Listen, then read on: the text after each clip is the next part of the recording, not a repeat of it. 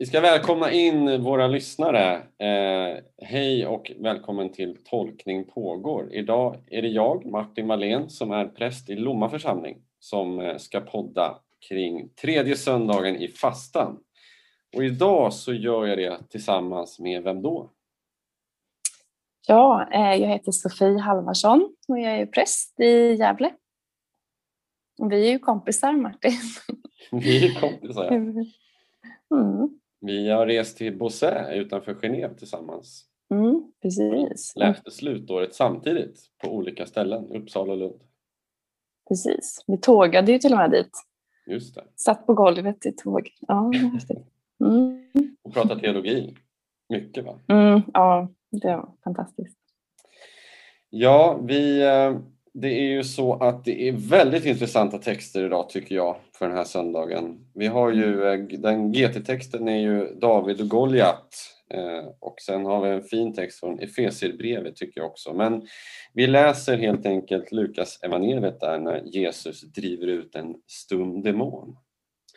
Så jag läser här då från Lukas evangeliet kapitel 11. En gång drev Jesus ut en demon som var stum. När demonen for ut började den stumme tala och folket häpnade. Men några sade, det är med demonernas första Belsebul som han driver ut demonerna. Andra ville sätta honom på prov och kräv, krävde att få se ett tecken från himlen. Men han visste vad de hade i tankarna och sade, varje rike som råkar i strid med sig självt blir ödelagt och hus faller över hus. Och om nu Satan råkar i strid med sig själv, hur skall hans rike då kunna bestå? Ni säger ju att det är med Belsebul som jag driver ut demonerna. Men om jag driver ut demonerna med Belsebul, med vems hjälp driver då era anhängare ut dem? De kommer alltså att bli er, det, ja, det kommer alltså att bli er dom.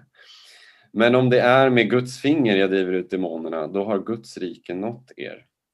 När en stark man vaktar sin gård med vapen i hand får hans ägodelar vara i fred. Men kommer det en som är ännu starkare och övermannar honom tar den mannen ifrån honom alla de vapen han litade på och fördelar bytet.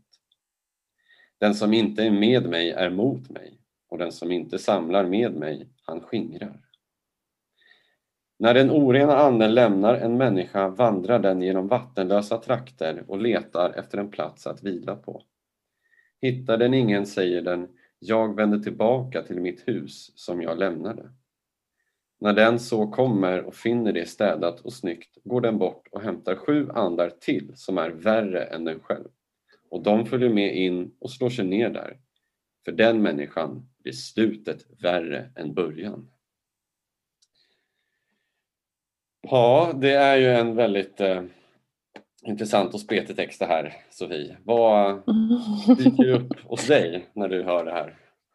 Oh, eh, massa saker.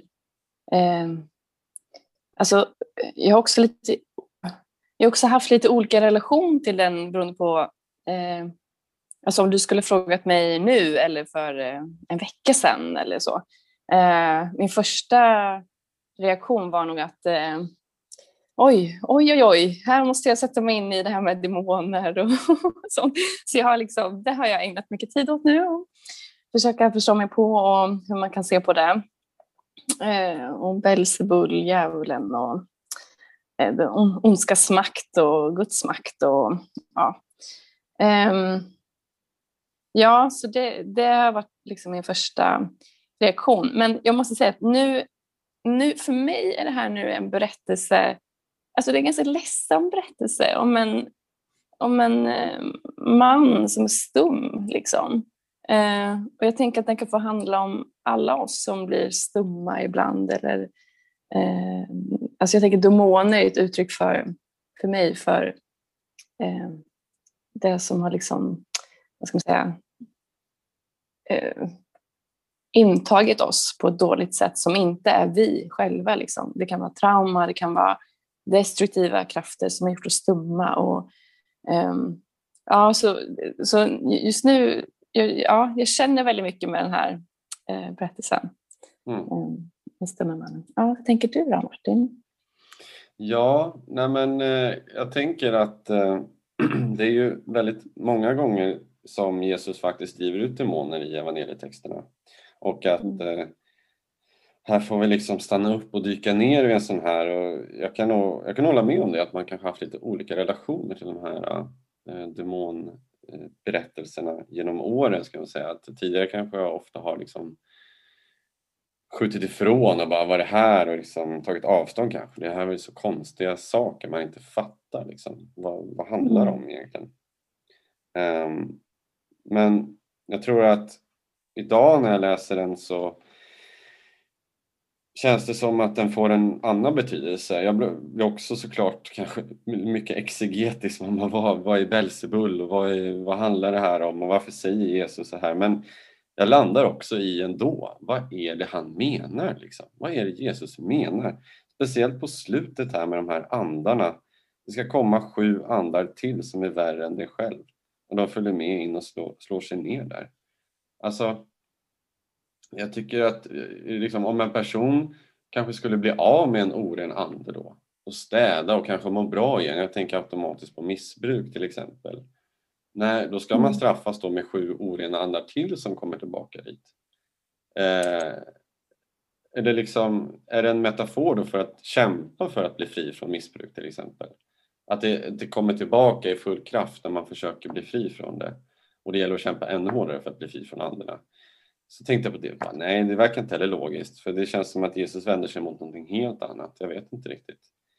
Um, och sen då att eh, djävulen, Satan, Belzebul, liksom att det, det känns som att det också är ett arv som vi kanske har gjort upp mycket med idag i Svenska kyrkan. Eller man funderar mycket på, men finns djävulen? Eller liksom, mm. hela den biten också. Mm.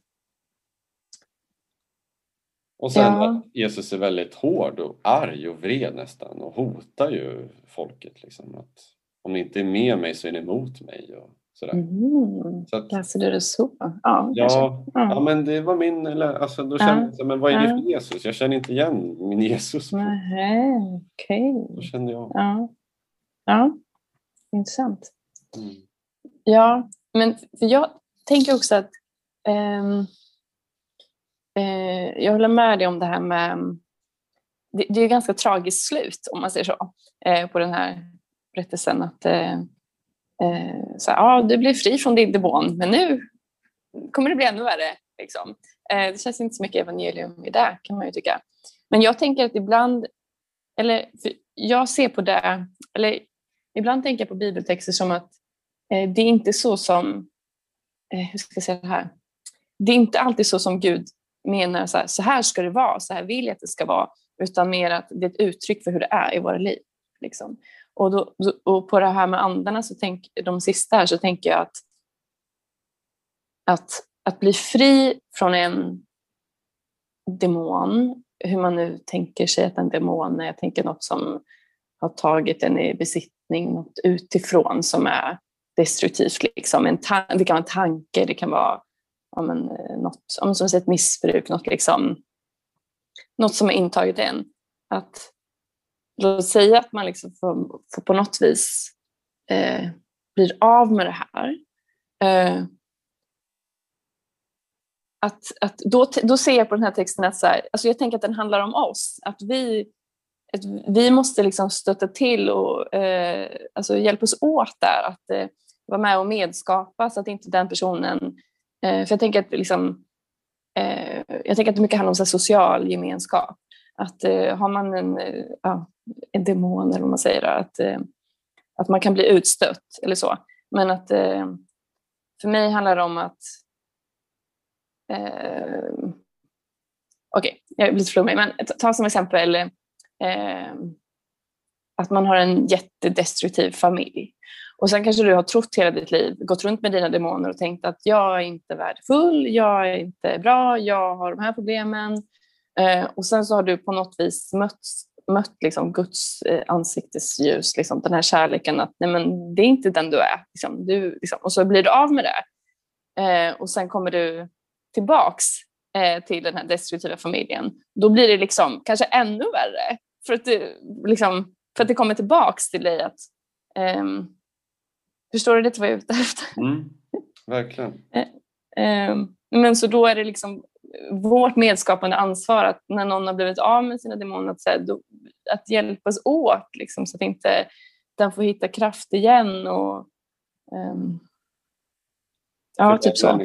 kan bli slutet värre än början, det har du helt rätt i. Då. Man, det är Mm. lite förlåtelse, försoning kanske i det där också. Mm, ja, Ehm, eller att släppa taget, att slå sig fri Mm. från någonting som är destruktivt. Mm. Mm. Det Tänker tänker du- jag också. Ja. Ja, förlåt. Nej, men jag tänker också att om man, om man då har hittat tillbaka till det goda, till sig själv, till det som inte är ens demoner, liksom, då blir det ju oftast ännu värre om, om någon säger haha, nej men du, ja, men ta till exempel missbruk, men du kommer, inte, du kommer ju falla tillbaks. Liksom. Eller du, alltså, då blir det ju liksom, då tänker jag att då kan det bli ännu värre. Ehm. Ja. Mm.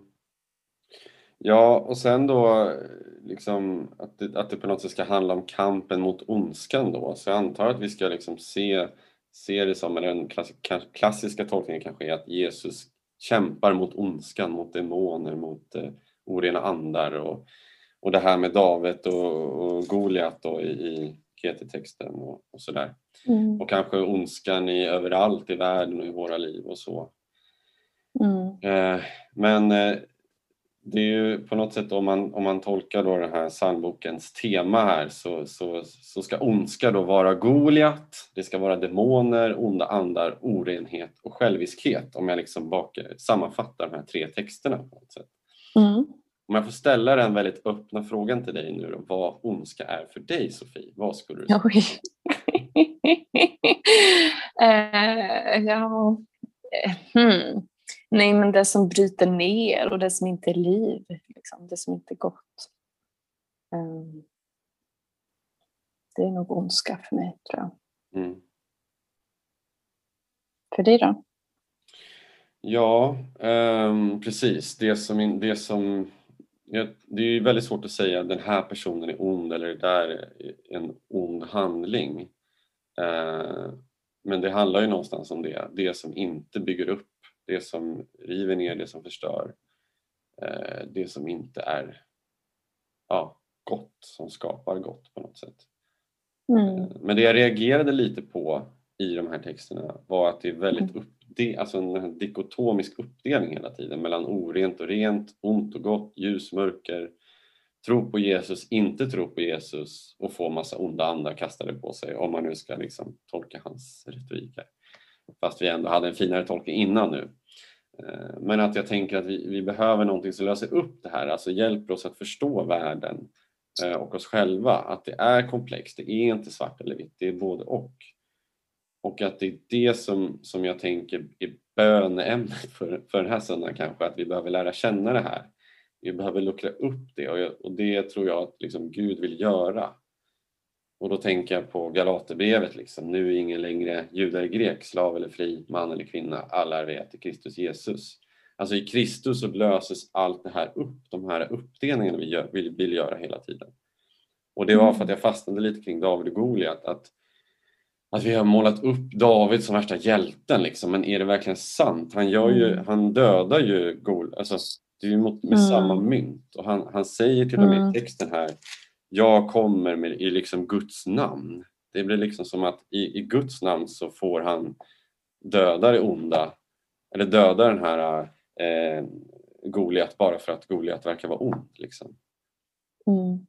Ja, och det också lite intressant om man ställer eh, till exempel evangelietexten mot den texten. För så som jag tolkar eh, Lukas texten så är det ju liksom vi kan inte bekämpa eld med eld eller det onda med det onda. Liksom.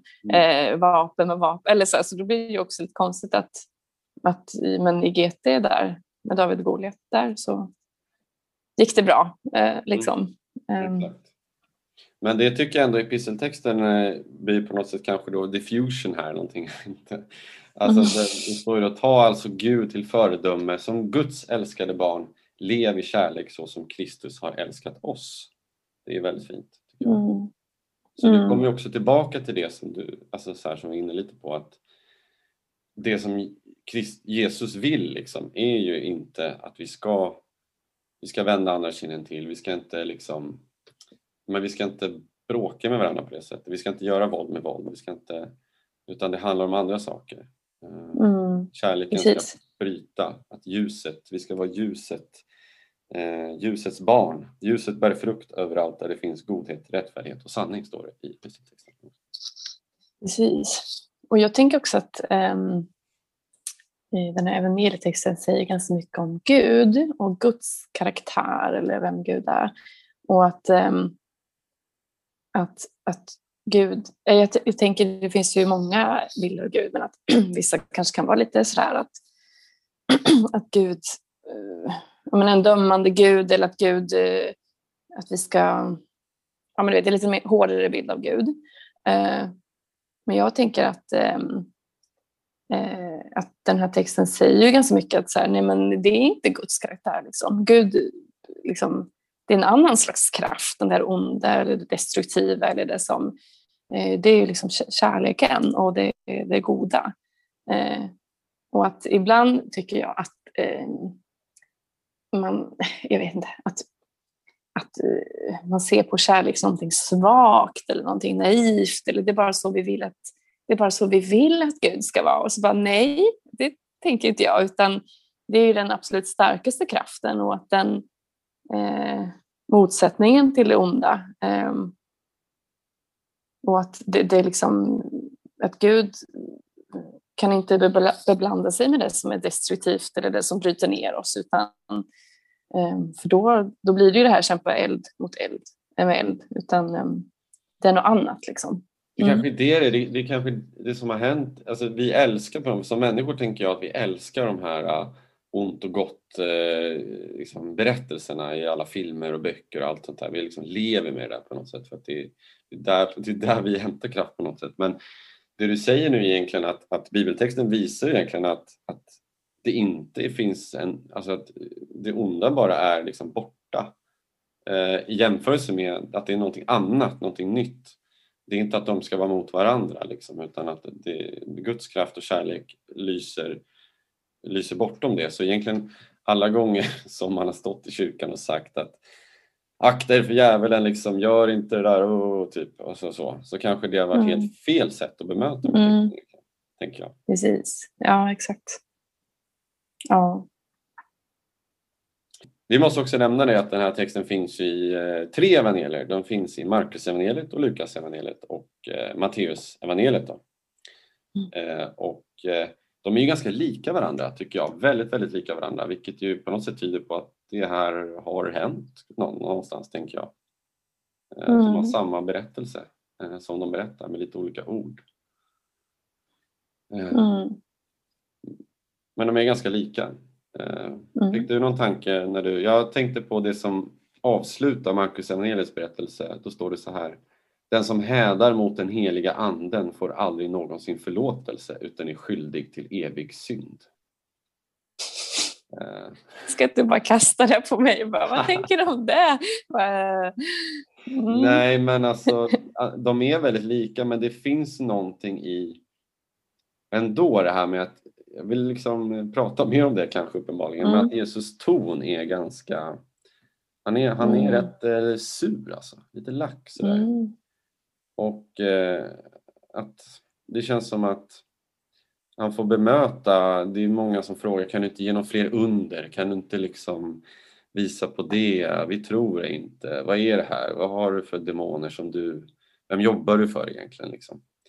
Mm. Eh, och att det kanske är på något sätt ganska mänskligt då, att inte tro på det man ser, att man kanske vill ha de här mer bevis. Eh, och så vill man gärna stötta ut det där som är lite udda på något sätt.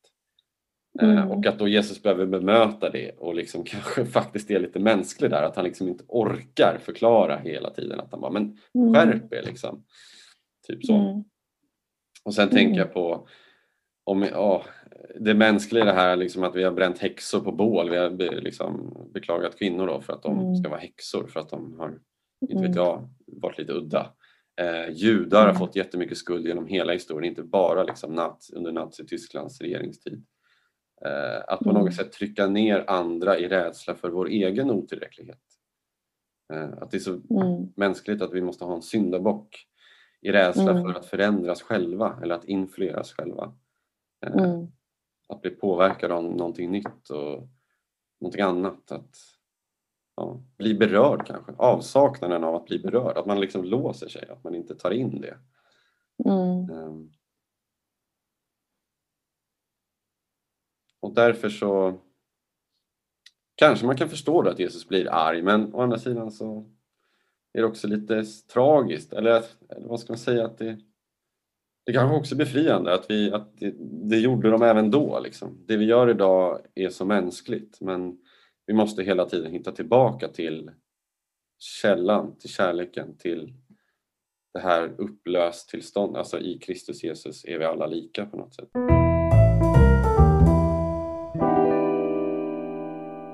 Alltså, ja, jag, är- jag är bara kvar vid att den här stumme personen. Och jag läste någonstans i, om den här texten att det är ju ingen som frågar honom vad han, alltså när han väl kan prata liksom. Vad, vad tänker du eller vad har du varit med om? Eller så, det är ingen som bryr sig om det. Mm. Det känns ganska sorgligt. Ehm, Ja, Ja. det minns jag. Förlåt. eh, Mm. En, en annan gång som Jesus driver ut någon demon tror jag det handlar om ett barn också. Något här, som, som tog av fradga eller något sånt där. mm, Jag vet inte om du minns det. Men mm, där är det också sådär. eh, Det var också min tanke kring det. Men liksom, det kanske blev så tydligt när det var ett barn att det är ingen som liksom pr- pratar med barnet. Det är de vuxna som står och liksom bråkar om mm, vad ska vi Mm. göra med det här barnet. Liksom. mm. Ehm, Att se till människan där. Vad är det som händer egentligen? Ex, exakt, och, och det tänker jag, eh, för jag läste också någonstans att det är skillnad på, alltså man kan se det här som eh, ska säga, problem och symptom, att, liksom att vara stum är bara symptomet på problemet på något vis. Att, eh, att, eh, och jag tänker att det Gud eller Jesus hela tiden gör är att liksom, tänker jag, återupprätta människovärdet, eller liksom tar oss tillbaka till vilka vi egentligen är, liksom, älskade, värdefulla, Eh, Eh, vi är inte våra demoner, vi, är inte, vi ska inte vara stumma liksom, och bli nedtystade utan vi, eh, vi är för bra för det. Liksom. Ehm, eh, liksom, och då, då, då tänker jag, då är det så viktigt då, att varför är det ingen som frågar honom hur han har det, vem han är, hur, liksom, eller for, fortsätter liksom den här påbyggnadsprocessen som Jesus har börjat, att liksom återupprätta vårt människovärde. Liksom. För då tänker jag att han kommer ju bli stum igen. Liksom. Demonerna kommer ju komma tillbaks. Om, om, för det är ju inte, liksom, att vara stum är ju bara symptomet på problemet, tänker jag här kanske. Um, om du hänger med på vad jag Mm. försöker säga. Mm. Mm. Intressant. Eh, vi kanske också ska ta upp ändå lite om det här Belzebul, ordet som förekommer. Hade du gjort lite research kring, kring djävulen, demonen Belzebul? Eh, li, lite, lite. Mm. Ja. Men du kanske har något att säga där. Mm. Ja, men det här med Belzebul, det är alltså på hebreiska så är det Bal Zebuv och det betyder Mm. ordagrant då flugherre har jag kollat upp här. Mm. Och eh, Flugornas herre kanske man tänker på, den här boken som i alla fall jag fick läsa i högstadiet, tror jag det var. Mm. Eh, Mm. Och det, den boken är faktiskt inspirerad av de här bibelberättelserna. Eh, Mhm. Och då, eh, I boken då så finns det en ond gudom där som har makt att förstöra deras ordning och sammanhållning. Så det, det är den här eh, Belzebul som är liksom gestalten för hur det kan bli så snett som det blir i den där Flugornas herre. Eh, Mm. I den boken. Det, blir, det är en ganska hemsk bok faktiskt. Det är ju barn som jo. eh, är elaka mot varandra och inte bara det. Va? Det är nästan, jag kommer knappt ihåg, men är det mord och sånt också? Eller? Är, ja, tror jag. Jag läste typ halva, tror jag. Det är en Mm. cliffhanger till de som vill läsa Mm. Men mest troligt kanske då Belzebul är en omskrivning om på något sätt litet hån mot guden Baal som det talas om i Gamla Testamentet. Mm. Eftersom hebreiskan ofta har de här ordlekarna. Liksom. Mm. Ehm, Och sen så läste jag i en bibelkommentar här då att eh, det här med Guds finger står det om, om man vill kolla upp det mer, eh, så kan det referera till tydligen Torah, den här dekalogen. Eh, och eh, nu säger jag på engelska här då, and the expression of the mind and the heart of God. Ehm, Mm. Och det var väl det jag också om jag försöker minnas lite bibelvetenskapen man har läst, att Lukas evangeliet riktar sig lite inåt mot den egna gemenskapen och kanske lite mot eh, lite jud, judendomsinriktat sådär, mot de Jesus troende mm. judarna. Um, och, där, och att det också kanske kan räknas som en analogi eller metafor för vad Lukas gemenskap står inför för utmaningar och det är därför de kanske också kan skilja sig lite. Uh, sådär. Uh, men i kristen tradition så kanske man menar att Guds finger betyder Guds ande på något sätt. Mm. För de som vill uh, gräva ner sig mer i det. Mm. Men i Tolkning pågår gillar vi ju vara personliga så att eh, då kanske vi ska gå tillbaka till det. Jag tänker lite som jag varit inne på att um, um, att demoner eller ja, kan vara ett uttryck för någonting annat. Alltså jag är ganska intresserad av så kristen antropologi eller hur vi målar upp jaget. Eh, och ibland, eh, och jag, jag, gillar att skilja liksom på att, jag tänker lite på det här som Paulus säger att eh, eh ja, men jag, jag gör det jag inte vill göra. Eh, det, jag, det jag vill, det. det gör jag inte, men det jag inte vill, det gör jag. Exakt, så bra. men, och sen, men det bästa men det bästa är ju det som kommer efteråt. Men eh, när jag gör det jag inte vill göra, då är det inte jag som handlar utan synden som bor i mig. Och det, det, det ja, det är så bra. Och det, men det citerar vi aldrig, men, eh, eller inte så ofta. Och det tänker jag är så himla viktigt att skilja på att, att liksom våra jag eh, har vårt ursprung och mål i Gud. Liksom det, är något, det är det någonting gott. Eh, eh, vi menar det till att göra gott och skapa gott. Och, eh, men att liksom det som är destruktivt, oavsett om det är synd eller om det är onda krafter på olika vis, det är sånt som kommer utifrån liksom. eh, och, och, tar oss i besittning och, eh, på olika vis. Men det är inte, det är inte vårt jag, liksom. det är oss själva. Um, så det, ja, det tänker jag på. Det är ganska viktigt i relation till den här berättelsen. Har du varit... Um, ja, förlåt. förlåt. Nej, men också så att, eh, att ibland, jag hade en vän som sa så här en gång att hon hade fastnat liksom i ett problem kan man säga i flera år. Och, ja, men om man tolkar det som en demon, liksom ett, eh, ett trauma som hon liksom gick igenom. Och, liksom, och hon kom inte vidare. Och då, liksom, men vid ett tillfälle så, tillfälle så lyfte hon upp det ljuset liksom, inför oss andra. Så vi kunde ge våra perspektiv och då kunde hon liksom gå vidare. Och det tänker jag också är det som händer här eh, med att, att eh, alltså vi, vi, kan bli lite eh, inkrökt i oss själva. Det står också att varje rike som råkar i strid med sig själv blir ödelagt. Alltså att vi, vi, om vi håller på att strida med oss själva och våra, liksom, om vi pratar om demonernas språk och går in på deras liksom, premisser och, eh, då kommer vi aldrig komma vidare. Så jag tänker att det, alltså, det är så viktigt att det kommer någon utifrån ibland eller så här, en annan röst som eh, säger något helt annat eller något som bryter av när vi fastnar i våra, eh, vårt destruktiva. Som synliggör, som, som ser saker mm. som man inte ser när precis. man är mitt i det kanske. Mm, precis.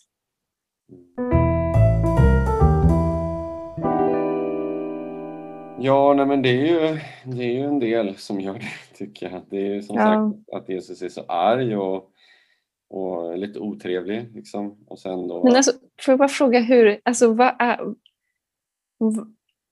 kan du ge ett exempel liksom, på hur du upplever det? Eller? Ja, ja, precis. Det är en jättebra motfråga. Ehm, jag upplever det genom att eh, liksom, när jag målar upp den här texten så, ser det framför mig hans retoriska sätt här. Liksom, att eh, kanske också hur texten målade upp det, att andra ville sätta honom på prov och krävde att få se tecken. Men han visste vad de hade i tankarna och sa liksom bla bla bla bla bla, varje rike som åker i strid, kanske mer förklarande. Men sen så bara, men ni säger ju att det är med Belsebul jag driver ut demonerna, men om jag driver ut demonerna, med vems hjälp driver du då ut era anhängare? Och så bara, det kommer bli er dom, men om det är bla bla, alltså mm. förstår du, det är så jag läser det. Mm. Den som inte är med mig är mot mig och den som inte samlar med mig han skingrar. Så det är otroligt så här... Men det är så intressant att vi läser in så olika toner för att mm. jag tänker att eh, alltså jag menar inte att jag läser in rätt och du läser in fel utan bara att vi läser in olika. Men jag, jag tänker att um, Nej, men att, eller jag vet inte, jag bara tänker mig att de alltså, verkligen försöker sätta honom på prov och pressar honom. Liksom.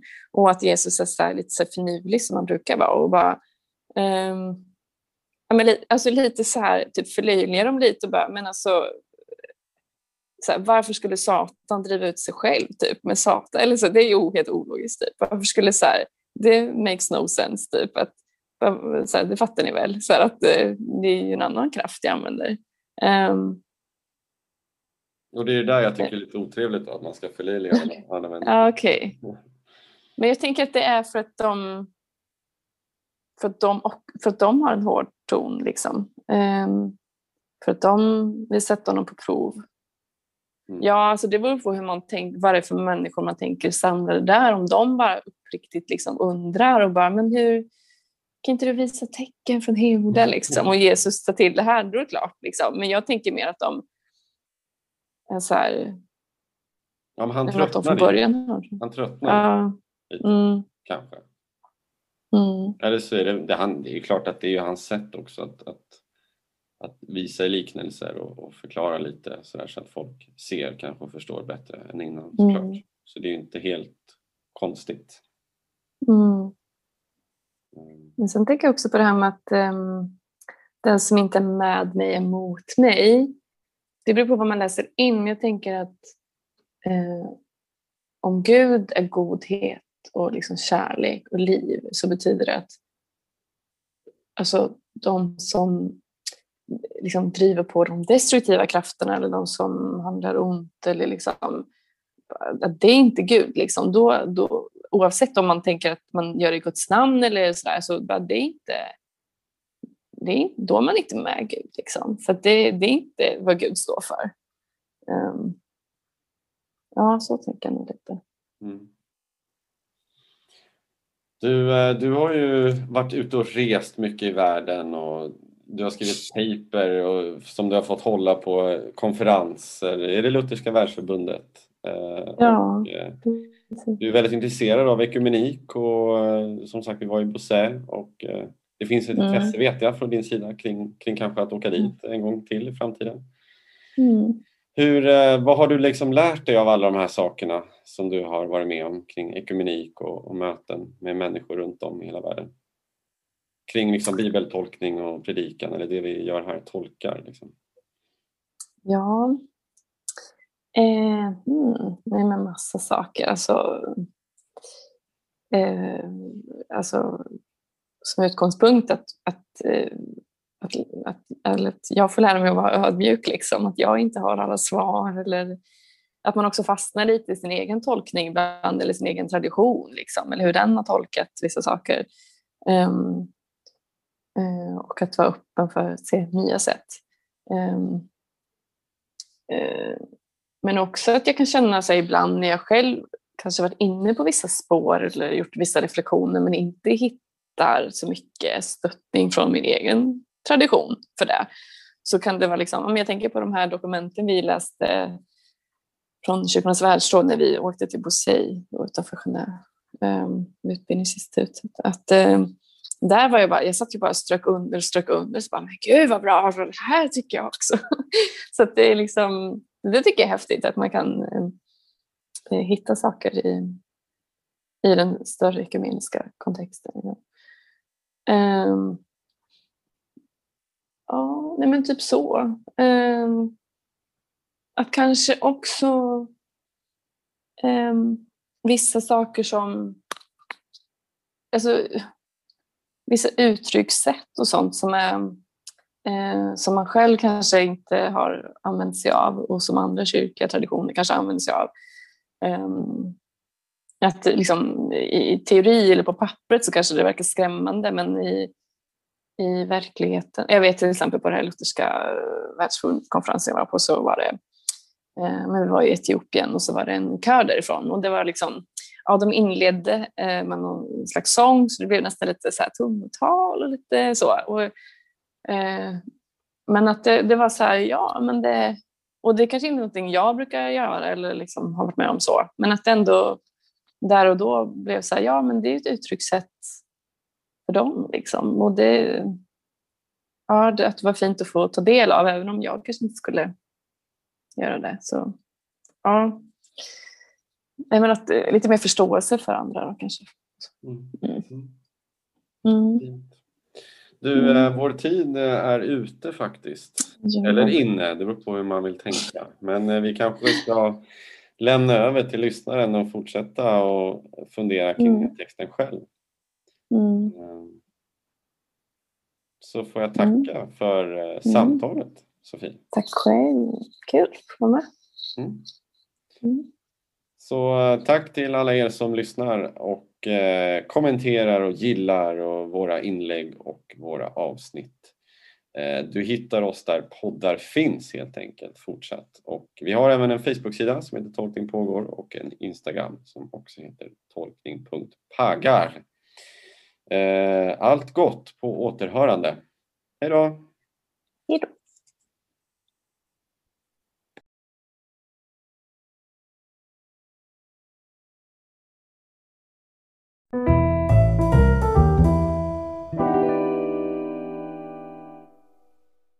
Du har lyssnat på Tolkning pågår, en teologipodd i samtalsform.